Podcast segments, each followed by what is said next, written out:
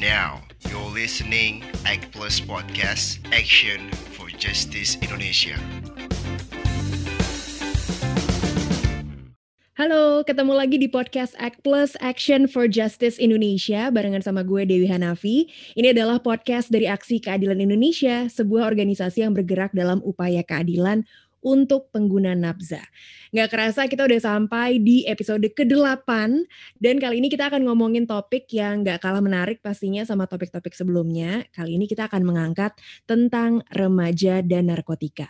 Seperti kita tahu, remaja ini kan adalah kelompok usia yang sebenarnya bisa dibilang sangat rentan dengan penyalahgunaan narkotika. Nah, makanya untuk mengupas bagaimana persoalan remaja dengan kaitannya dengan narkotika, di episode kali ini gue akan ditemenin sama Mbak Astrid Permata atau yang akrab dipanggil dengan Acit dari Pamflet Generasi dan juga ada Mbak Oge sebagai perwakilan dari Women's Voice. Pertama ke Mbak Acit dulu deh, boleh perkenalkan diri Mbak Acit, halo. Halo Kak Dewi. Apa kabar Mbak Acit? Um, Syukur baik. Sehat ya? Ya, sehat-sehat. Alhamdulillah. Gimana nih, uh, boleh diceritain sedikit nggak kegiatannya di pamflet itu ngapain aja sih?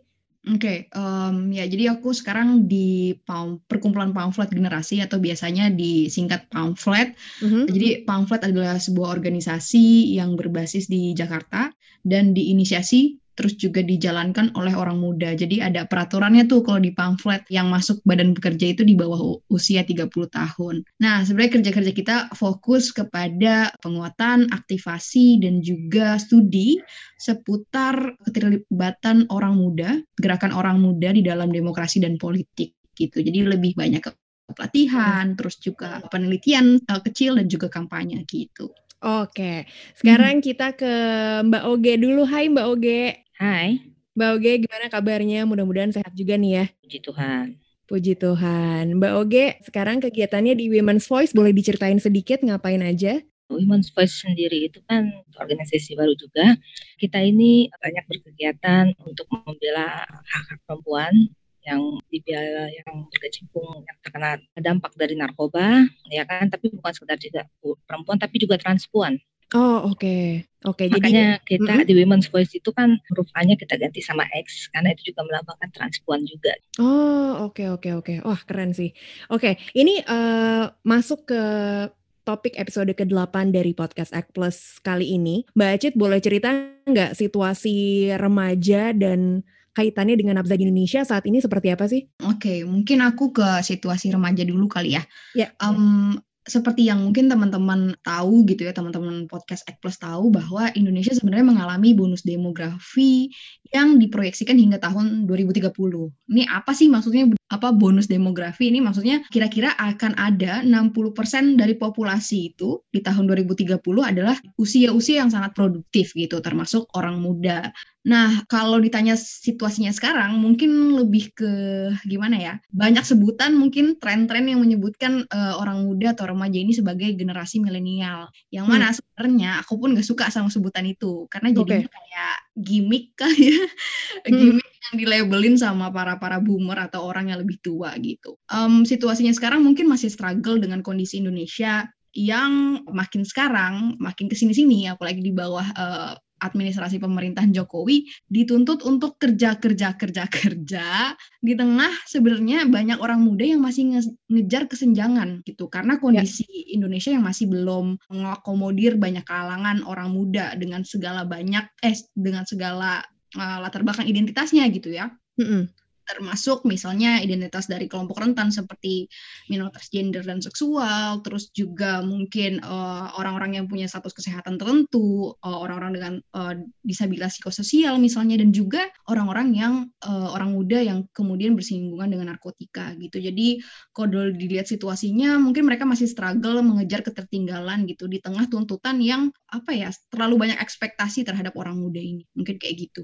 Oh, oke. Hmm. Kalau selama ini tapi, uh, terkait informasi dan edukasi yang beredar gitu ya mengenai nabza di kalangan remaja, menurut lo sendiri seperti apa nih, Mbak Cit? Hmm, kita kita bisa tahu bahwa sebenarnya, uh, fokus dari BNN gitu sebagai lembaga yang, uh, fokus di isu narkotika dia melakukan, uh, kampanye atau kampanye anti narkoba gitu. Jadi kita bisa tuh temuin uh, stiker-stiker jauhi narkoba, anti narkotika di sudut-sudut kota gitu. Mulai dari halte, busway, angkot-angkot, sekolah, sekolah hingga mesin ATM. Jadi waktu itu pernah aku kayak eh, ngambil duit terus kayak layar depannya tuh udah kayak jauhi Jauhi narkotika. narkoba.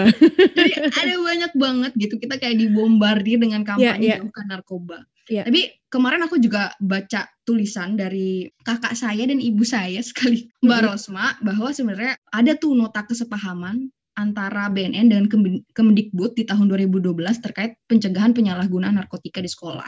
Yang mana Mhm. tujuannya tadi terkait tentang akses informasi dan ed- edukasi mengenai nabza. Harus diakui memang upaya pencegahan itu nggak bisa kita tinggalin gitu. Informasi mengenai narkotika itu berbahaya itu adalah fakta yang tidak bisa terhindarkan. Apalagi di skema eh, kebijakan narkotika yang kayak gini, Mm-mm. Kita kan nggak tahu narkotika yang kita konsumsi itu isinya apa, zatnya apa aja gitu. Kan nggak kayak beli ciki di minimarket yang belakang bungkusnya kita bisa baca tuh komposisinya apa gitu kan Betul. karena narkotika yang kita dapat itu dari peredaran gelap, jadi kita sama sekali nggak tahu tuh zat-zat yang terkandung dalam narkotika yang kita beli itu apa. Itu Mm-mm. kenapa juga eh, di berbagai negara ada yang namanya drug testing di event-event musik atau acara musik Mm-mm. untuk lihat sebenarnya isi narkotika yang kita beli itu apa sih? Apakah cukup apa namanya aman buat kita konsumsi, dosisnya berapa dan segala macam. Nah, karena di Indonesia nggak demikian, jadi ya kalau dibilang berbahaya narkotikanya ya mungkin gitu. Tapi di luar upaya pencegahan dan edukasi seputar bahaya narkotika, ada baiknya juga kita mengedukasi tentang hal-hal yang seputar konsekuensi hukum dan juga eh, pengurangan dampak buruk atau yang biasa kita sebut dengan harm reduction. Aku mengutip aja seorang pendiri Drug Policy Alliance, organisasi di Amerika yang fokus pada perubahan kebijakan narkotika, Hmm. namanya Ethan Edelman. Dia bilang kalau dia jadi orang tua, ada hal yang dilakuin, dia lakuin gitu. Mm-mm. Nasihat-nasihat seputar narkotika. Yang pertama, jangan pakai narkotika. Kedua, jangan pakai narkotika. Ketiga, jangan pakai narkotika. Dan keempat, kalau kamu pakai narkotika, ini loh hal-hal yang kamu lakukan, yang harus kamu lakukan sehingga terhindar dari resiko-resiko ya atau dampak buruk konsumsi narkotika. Jadi dari penjelasan Ethan Edelman ini kita bisa belajar bahwa pencegahan itu penting gitu apa seperti apa yang telah eh, dilakukan oleh BNN bertahun-tahun tapi Ya. kita juga nggak bisa menutup mata dengan fakta bahwa ada orang muda loh yang kemudian pakai narkotika dengan segala resiko yang mungkin dihadapin gitu. Nah ini Hmm. yang menurut aku miss, apalagi menurut survei dari BNN dan LIPI di tahun 2018, 3,2 persen dari populasi kelompok yang pernah pakai narkotika dalam setahun itu adalah pelajar. Jadi ada du- Ya. ada 3,2 persen yang kemudian rawan sebenarnya menghadapi resiko buruk dampak dari konsumsi narkotika gitu. Jadi menurutku apa informasi seputar pengurangan dampak buruk itu juga nggak bisa ting- kita tinggalin gitu. Mungkin nanti KOG bisa eh, cerita lebih lanjut. Eh, nah selain itu juga kayaknya Indonesia harus meninggalkan narasi-narasi yang nakut-nakutin orang muda, narasi yang menstigma pengguna narkotika. Kayak waktu itu aku pernah lihat BNN bikin list ciri-ciri pengguna narkotika. Kalau nggak salah 42-an gitu, yang mana isinya tuh menstigma pengguna narkotika. Bahayanya adalah pengguna narkotika di kalangan orang muda jadi nggak mau bersuara karena stigma-stigma tersebut. Dan jadinya enggan untuk akses la- layanan kesehatan ini yang kemudian kita nggak mau terjadikan dan harus kita hindari. Kurang lebih gitu sih, Kak Dewi. Iya, iya. Ini menarik banget sih ya sebenarnya soal penyebaran informasi dan juga edukasi mengenai narkotika atau mengenai nafza. Kayaknya itu kalau ngomongin drugs education sama sex education jadi agak 11-12 gitu urgensinya Iya, ya kan betul, Untuk- betul, untuk- betul untuk banget. di- Iya. diajarkan ke generasi muda atau ke anak-anak dari remaja gitu ya. Sekarang kalau gitu aku pengen beralih ke Mbak Oge dulu nih. Mbak Oge boleh diceritain gak sih pengalaman dirimu dengan nabza gitu? Kalau diinget-inget pertama kali menggunakan nabza tuh pengalamannya seperti apa, kapan gitu dan kenapa gitu akhirnya menggunakan nabza? Pertama menggunakan nafsa sih hanya waktu SMA ya. SMA, oke. SMA, oke. SMA itu nafsa yang pertama dipakai itu ganja karena waktu itu Hmm, tahun sekitar tahun 90-an ya. Tahun 90-an, 8, 9, 90. mm-mm, Jadi yang waktu itu lagi ngetren ya ganja gitu kan. oke. Walaupun waktu itu gue sendiri nggak ngerokok gitu loh. Tapi Hmm. itu pertama kali nyoba, kok gini ya rasanya, kok enak ya, Hmm, kok seneng ya gitu. Udah, tapi setelah itu udah hanya coba sekali. Nah berlanjut setelah SMA mulai merokok ya kan? Mulai Hmm. merokok. Nah, pas ada juga pas abang waktu itu pakai kan? Mau nggak? Coba pakai pakai. Nah itu mulai mulai pakai. Tapi nggak kita nggak apa nggak ngomong rutin lah. Nggak ngomong rutin. Ya. Sa- sampai sekitar tahun 97 itu mulai tuh ya di Indonesia kan tuh mulai tren masuk tuh yang namanya Inex ya apa sih Eh, ekstasi Mhm. sabu terus ganja apa enggak ganja enggak tapi aku tahu waktu itu ya kan Oke. balik lagi dari eh, pertama sih melihat teman waktu pakai sabu gitu kan lihat pakai putau ditawarin kan Mhm. ah, enggak enggak enggak gitu loh. Tapi eh, waktu terakhir itu melihat teman pakai di sabu cobalah coba coba gitu kan. Oke tiga kali coba. Ah nggak rasa apa-apa nggak ada rasa apa-apa karena kebiasaan kita pakainya ganja kan. Hmm. ah nggak ada efek nggak ada efek nggak ngapa-ngapain oke coba lagi coba lagi. Terus kok gini ya gitu loh. Kok nggak bisa tidur ya? Kok nggak Hmm. bisa makan ya? Gitu. Hmm. kok enak ya dibawa kerja? Kok ya? Itu jadi dari situ gitu loh. Dan mulai rutin lah pemakaian. Boleh dikatakan rutin Oke. tuh tapi paling rutin itu mulai dari tahun 2000 itu mulai pemakaian rutin baik itu sabu ataupun ganja Oke. Tahun 2000 itu berarti udah masuk kuliah kali Mbak Oge ya? hmm, nggak aku tuh kerja Oh udah udah kerja bahkan ya. Oke Hmm. oke. Tapi berarti pertama kali pada saat SMA itu awalnya berarti dari teman-teman juga ya Mbak Oge ya. Maksudnya akhirnya ikut dan ya udah deh gue cobain itu memang karena dari ajakan temen juga atau memang akhirnya yang lebih besar juga rasa penasarannya pengen tahu efeknya seperti apa? Atau gimana Mbak Oge? aku sih waktu itu kalau yang pertama kali nggak dari temen ya dari abang ya. Oh oke. dari abang aku gitu kan aku kan sama abang itu beda umur cuma setahun gitu kan. Hmm, hmm, hmm, hmm. dia lagi kumpul-kumpul sama temennya gitu kan kan sering kumpul gitu kan. Terus dia ketawa-tawa kenapa sih? Kenapa sih pada ketawa-tawa kenapa sih pada ketawa-tawa? gitu kan. Kita coba aja coba gitu kan coba oh iya sih emang kita jadi gampang banget ketawa Oke, gitu iya iya iya. tipsi-tipsi lucu gimana gitu loh jadi kayak males-males gimana gitu loh Iya iya iya. dari pertama sih dari, dari justru dari abang Oke. teman. Oke, nah ini kalau kilas balik gitu jadinya ke eh, saat dulu pengalaman awal-awal Mbak Oge menggunakan nabza gitu, dibandingin dengan sekarang gitu ya, udah teknologi maju sekali gitu, apa koneksi internet juga udah lebih lancar di mana-mana. Nah, tapi kalau Mhm. dulu gitu informasi tentang nabza di kalangan remaja itu seperti apa sih ingat eh, Mbak Oge pada saat dulu masih SMA gitu? kayaknya kalau perlu kita bilang zero ya nol sama sekali nggak ada informasi informasi yang Hmm. yang kita tahu waktu itu itu cuma pakai ini enak mabok udah selesai nggak ada Oke. lagi kan? Oke. Mau- dan lebih cenderung kalau lebih dari misalkan apa sih rasanya? Cobain aja. Ya, kalau Hmm. rasanya cobain. Silahkan coba gitu kan? Mhm. gitu loh. Ya kita coba gitu loh. Oh ya ya rasanya begini ya. Tapi kalau mengenai uh, apa uh, dampak buruknya sekarang kita lebih diperluaskan apa sih dampak buruknya? Apa sih yang harusnya itu apalagi sekarang lebih banyak yang kimia kan? Seperti Mm-mm. sabu ataupun ekstasi ataupun tahu itu sendiri gitu kan tapi kalau zaman dulu kan cuma sekedar ganja ya kan oh ini kan tanaman nggak apa-apa enak ini lucu di Aceh ini bahkan dibikin dodol dibikin apa oh ya coba gitu loh Herbal Itu gitu aja. ya dibilangnya ya. herbal mm-mm. gitu loh Oke, Kalau- zaman dulu bahkan ada yang bilang apa kecubung kan gitu loh oke.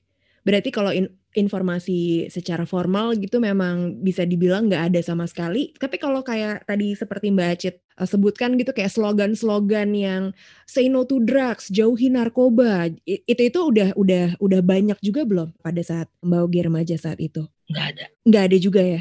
nggak ada Berarti mungkin bisa dibilang minim sampai bahkan memang zero. zero karena waktu itu kalau dibilang kita remaja itu aku remaja itu tahun 85 sampai Mm-mm, dengan mm-mm. 91 lah SMP SMA Oke, oke.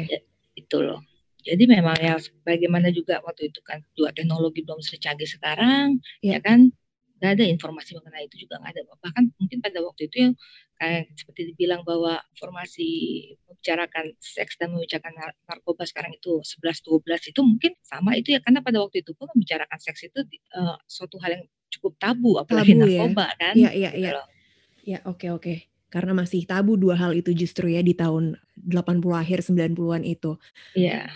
Oke, kita balik lagi uh, ke Mbak Acit nih. Selama ini ada upaya lain nggak sih seperti diversi dari penangkapan pada remaja yang tersangkut kasus narkotika, Mbak Acit? Loh, iya, um, diversi ini jadi suatu hal yang menarik ya gitu. Um, apalagi memang kalau untuk remaja gitu anak yang mana kalau misalnya kita ikutin konvensi anak itu di bawah umur uh, eh, 18 tahun mm -hmm. diversi ini jadi upaya yang apa ya pamungkas lah gitu ya untuk mencegah supaya anak itu nggak dipenjara atau nggak melalui proses hukum yang gimana-gimana.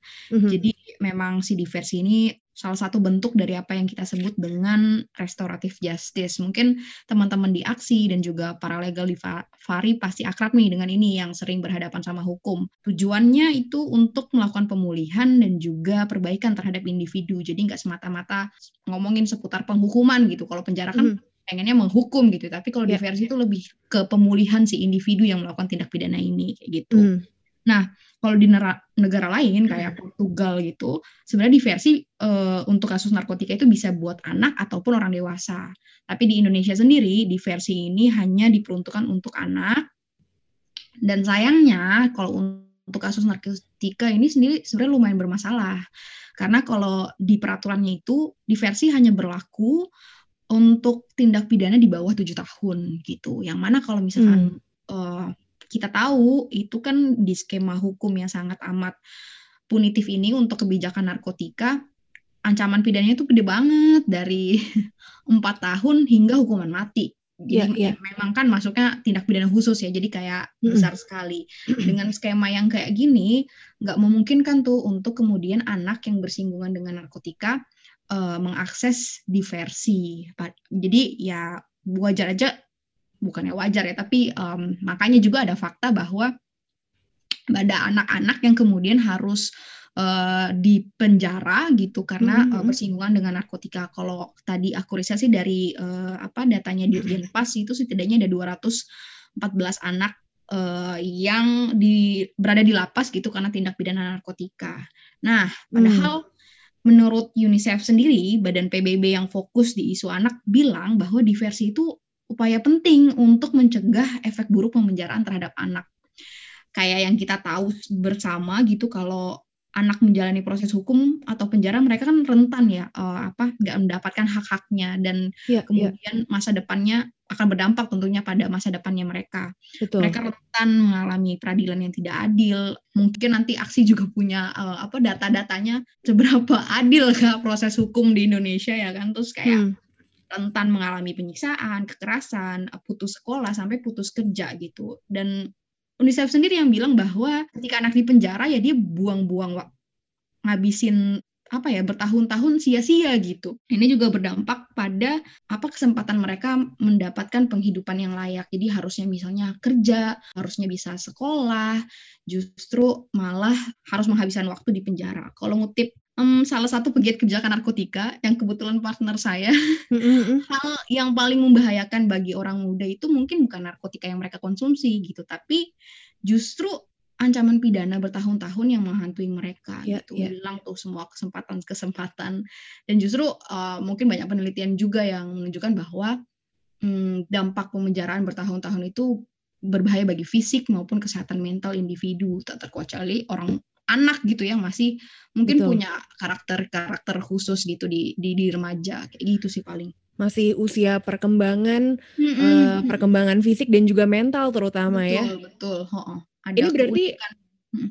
sejauh ini sebenarnya sudah ada upaya-upaya tertentu nggak sih Mbak Cit supaya anak muda gitu ya yang terkait kasusnya dengan nabza atau narkotika itu nggak masuk penjara. Sejauh ini sudah ada usaha hmm. tertentu belum dalam menang yeah. menangani hal-hal seperti itu? Nah, um, jadi kebetulan LBH Masyarakat, sebuah mm -hmm. organisasi yang emang fokus di isu nabza, mm -hmm. itu pernah penelitian di tahun 2016 dan dia kayak ngumpulin 41 peraturan seputar nabza dan ternyata nggak ada sama sekali yang mention tentang uh, si anak secara khusus gitu. Okay. Jadi ada kekosongan hukum sebenarnya uh, anak ini kalau bersinggungan anak narkotika dan mm-hmm. harus menjalankan proses hukum haknya seperti apa aja sih itu tuh nggak ada sama sekali dibahas hingga sekarang gitu jadi mm. justru kekosongan hukum itu harapannya sih sebenarnya uh, sekarang juga lagi teman-teman di DPR teman-teman ya kan para perwakilan kita yeah. di DPR itu lagi uh-uh. uh, apa namanya uh, ngerumusin undang-undang narkotika uh, mm-hmm. RUU rancangannya gitu ya. Jadi mau mm-hmm. di di dibahas ulang gitu masuk prolegnas juga atau prioritas isu di DPR. Nah, harapannya mm-hmm. bisa masukin insight-insight seputar anak dan juga gender gitu. Jadi hukumnya nggak kaku gitu. Hukumnya ngelihat uh, latar belakang karakteristik orang yang kemudian bersinggungan dengan narkotika termasuk misalnya anak gitu. Itu sih paling Ya, ya, ya. Mudah-mudahan beneran uh, dibahas dengan insight-insight yang tepat ya, ya. Jangan ya. jadi nggak kebahas karena ribet bahasannya.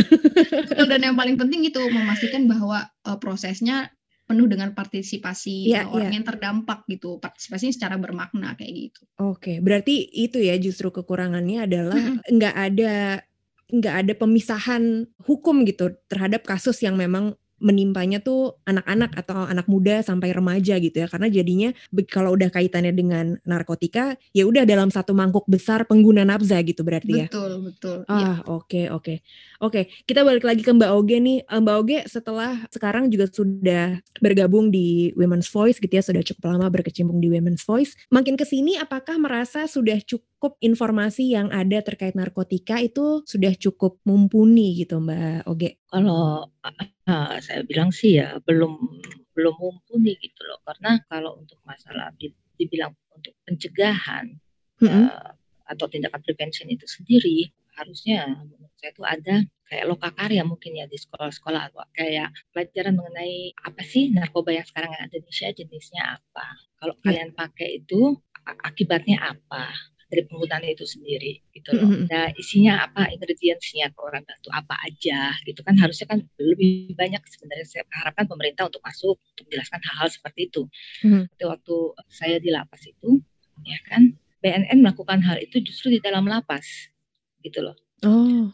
Bagi saya tuh hal yang aneh. Kita ketawa aja pada saat itu kita asli kita ketawa kan tuh. Uh-huh. Bahwa dibilang ini oh dibilang bahwa peng, apa penggunaan sabu itu memabukkan lah halo please gitu loh. Tolong jangan memberikan informasi yang salah gitu kan ya kan? Iya iya uh, gitu loh.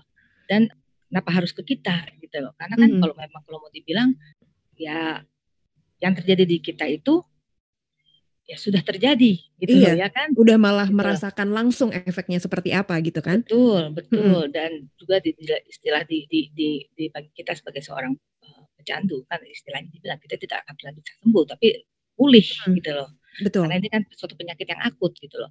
Nah, mm -hmm. tapi kalau memang mau mau memang mau peduli sama ini ya, kenapa nggak dibikin satu kayak program di sekolah yang mungkin memang ada lokakarnya cuma satu hari kah, dua hari kah, tiga hari kah yang membahas mengenai isu narkoba ini. Jadi mereka pun setidaknya juga tahu karena kan bagaimanapun juga nggak mungkin orang tua, apalagi kalau uh, orang tua mereka itu bukan seorang pengguna, ya kan bisa menjelaskan secara jelas, eh, nah efek ganja ini loh efeknya sabu ini loh bentuknya ganja itu seperti ini bentuknya sabu seperti kan nggak mungkin mereka dapat juga dari orang tua mereka yang ternyata orang tua mereka juga bukan seorang pengguna ini kan juga orang tua seorang uh, pengguna pun mm-hmm. ya mungkin ada juga kecanggungan ya untuk menjelaskan Betul. ke anak seperti ini loh barangnya seperti kan nggak juga yeah, yeah. canggung juga gitu loh. Mm-hmm. Oke, okay. ini uh, memang jadinya mungkin emang informasi dan edukasi seperti ini jadinya memang uh, butuh pihak yang netral gitu ya untuk untuk bisa menyampaikan atau menyebarkan informasi tersebut. Ini mungkin karena kita juga sekarang udah nggak ada yang di duduk di bangku sekolah, ya kan? Udah lewat Jadi, masanya. Udah lewat banget masanya. Aku sebenarnya cukup penasaran sih memang uh, sejauh ini atau saat ini seperti apakah pendidikan terkait uh, narkotika di kalangan sekolah gitu pertama apakah ada dan kalau ada sejauh mana gitu. Karena kalau tadi Mbak Oge juga bilang eh, BNN misalnya mengeluarkan informasi mengenai jenis-jenis narkotika dan apa apa saja efeknya tapi malah diberikannya di uh, lapas gitu. Aku juga inget tuh sempat ada tuh dapat di dikelilingin di kantor di perkantoran gitu justru uh, informasi dari BNN gitu mengenai jenis-jenis narkotika. Tapi tetap tidak ada follow up atau tindak lan edu edukasi lanjutannya, yaitu tadi mengenai mungkin dampaknya gitu atau bahkan informasi mengenai cara mengurangi uh, resiko dampak buruknya seperti harm reduction yang tadi juga Mbak Acit sempat bilang. Ini Mbak Acit kalau boleh kasih insight mungkin ada uh, ada insight sedikit atau informasi kalau saat ini ada nggak sih upaya pendidikan atau edukasi tentang narkotika di lingkungan sekolah? Um, setahuku ada karena yang tadi udah aku mention juga, jadi BNN dari tahun 2012 itu punya nota kesepahaman, hmm, nomornya aku lupa berapa, tapi ada mm -hmm. dua nota kesepahaman itu bisa nanti di googling aja teman-teman Ek Plus uh, nota kesepahaman BNN dan Kemendikbud 2012 okay. itu nanti keluar mm-hmm. dan memang uh, heavy ke upaya pencegahan gitu jadi oh, uh, okay. ada upaya pengurangan dampak buruk bahkan uh, di situ uh, Kemendikbud gitu sekolah-sekolah bertanggung jawab untuk memasukkan apa informasi seputar nabza ini gitu ya dampak buruk. Bukan dampak buruk tapi ya pencegahan nabza ini ke uh, kurikulum sekolah gitu. Terus hmm. juga dituntut untuk ada apa ya informasi kit gitu kayak selembaran-selembaran kali ya kalau kita bahasanya atau buku saku seputar bahaya nabza dan segala macam kayak gitu. Terus juga uh, kalau aku nggak salah baca itu di dalamnya juga apa ya memungkinkan untuk adanya tes urin bagi pendidik gitu pendidik guru segala, yeah. uh, segala macam lah gitu ya uh, di sekolah jadi memang uh, udah ada sejak 2012 dan udah didorong untuk masuk ke kurikulum gitu. Oh oke okay, -hmm. oke okay, oke. Okay. Nah uh, terakhir nih Mbak Cit, tadi mm. kan juga sudah uh, sempat uh, kesebut gitu ya soal juga uh, kesenjangan antar uh, gender gitu terkait masalah mm -hmm. ini. Kalau untuk remaja perempuan sendiri, itu sebenarnya ada yang uh, spesifik atau khusus nggak sih permasalahannya terkait dengan narkotika remaja perempuan dan narkotika gitu dan apakah informasi yang didapat oleh remaja perempuan dan laki-laki itu sebenarnya mm-hmm. sudah sama atau sudah seimbang atau seperti apa? Oke, okay.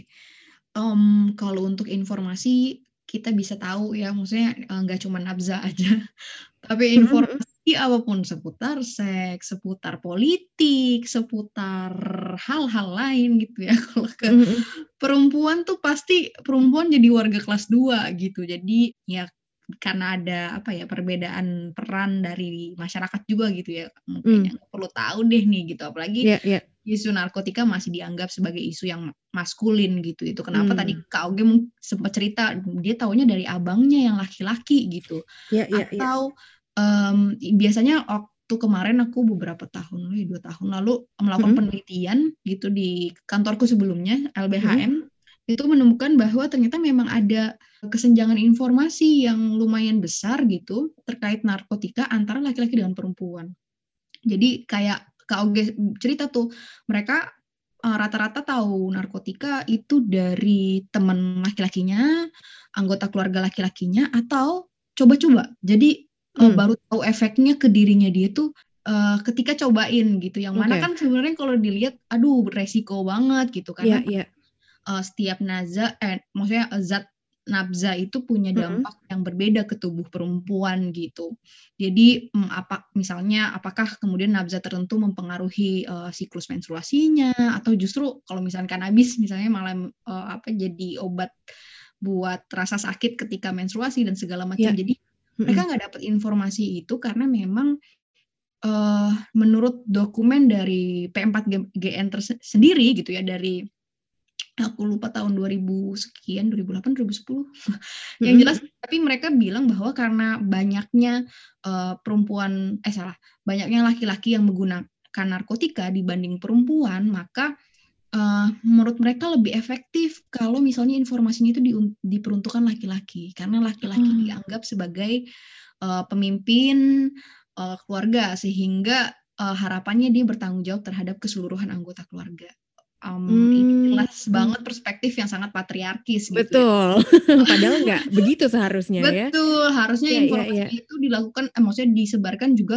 baik bagi perempuan, transpuan, laki-laki ya sama aja gitu. Beneran secara merata ke semua kalangan ya. Uh -uh, karena mm, Mm-mm, karena bagaimanapun juga informasi ini jadi hal yang sangat penting sehingga perempuan bisa berdaya, bisa mempertimbangkan keputusan apa sih yang harusnya dia buat gitu. Dan Oke. Dari penelitian uh, waktu itu aku terlibat juga, nah mereka juga pada nggak tahu tuh Mm-mm. em, konsekuensi hukum gitu. Kalau misalkan menggunakan narkotika kena pasal berapa? Iya. Eh, misalnya kayak gitu bawa bawa narkotika eh, kena pasal berapa sehingga Mm. ya gampang banget rentan untuk diperdaya gitu. Gitu sih paling. Jadi emang informasi sebagai hal yang krusial dan sayangnya aksesnya belum merata. Kalau ditanya udah merata belum belum sama sekali gitu. Iya, iya, iya. Kalau boleh kasih rekomendasi Mbak Cit, Mm-mm. eh, menurutmu rekomendasi yang sebaiknya dilakukan gitu eh, terkait permasalahan eh, remaja dan nafza atau narkotika ini seperti apa yang mungkin untuk dijalankan di Indonesia lah bisa kita bilang. Hmm.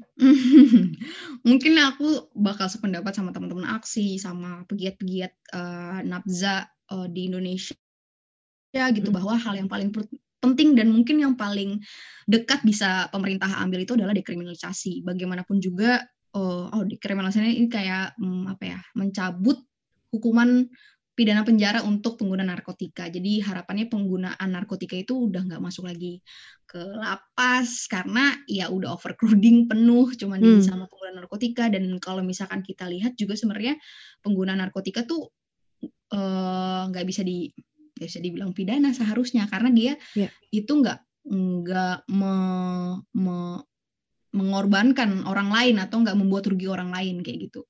Aku sering banget eh, apa ya menganalogikan ini seperti aborsi gitu. Jadi eh masuk ke hak Oke. otor, ya hak atas otoritas tubuh misalnya Ya, ya, ya. yang jadi kewajiban negara sebagai eh, apa rights holder atau pemenuh hak adalah ya menyediakan layanan kesehatan gitu. Tapi apa yang terjadi sama tubuh kita itu hak kita kayak gitu. Ya, Nah, ya, ya. Yang jadi itu berdasarkan maksudnya kayak gitu jadinya eh, hal yang paling utama adalah dekriminalisasi gitu. Eh, itu dulu gitu.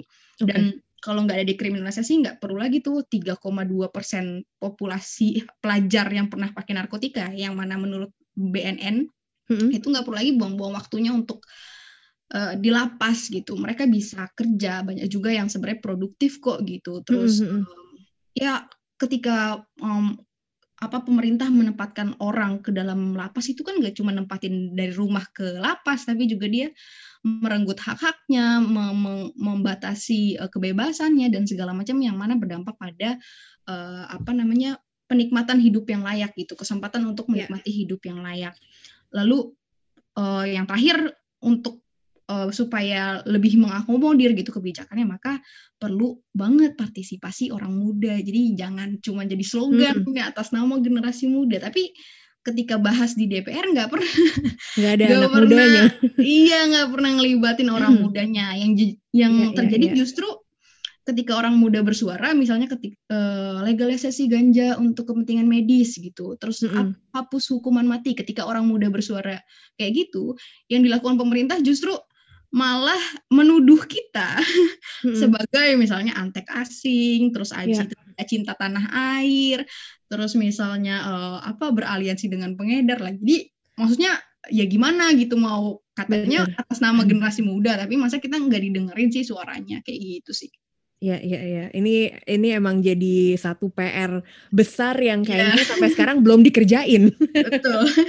Ya, ya. Oke, dari eh, Mbak Oge ada tambahan rekomendasi nggak Mbak Oge? Terutama eh, dirimu di Women's Voice kan juga banyak, justru banyak spesifik apa berhubungan dengan eh, perempuan dan juga transpuan gitu, yang mungkin jadi lebih minoritas lagi gitu dilihatnya pada saat ini. Nah, kalau saya, kalau aku sih lebih uh, mungkin setuju ya sama Acit ya uh, Hmm. uh, dekriminalis- dekriminalisasi karena uh, berdasarkan pengalaman juga sih ya waktu uh, aku di dalam ya kan Mm-mm, di mm-mm. dalam lapas gitu dalam proses itu banyak juga ketemu yang masih masih muda gitu loh bahkan ada waktu itu masih umur 16 tahun ya Mm-mm. kan ya, ya itu waktunya banyak yang terbuang sia-sia juga ya kan sementara anak perempuan pula lagi ya kan nggak apa sih di dengan sistem yang ada di Indonesia kan anak perempuan itu kayaknya pas suatu hal yang perlu dipentingkan deh kayaknya dalam keluarga gitu ya kan.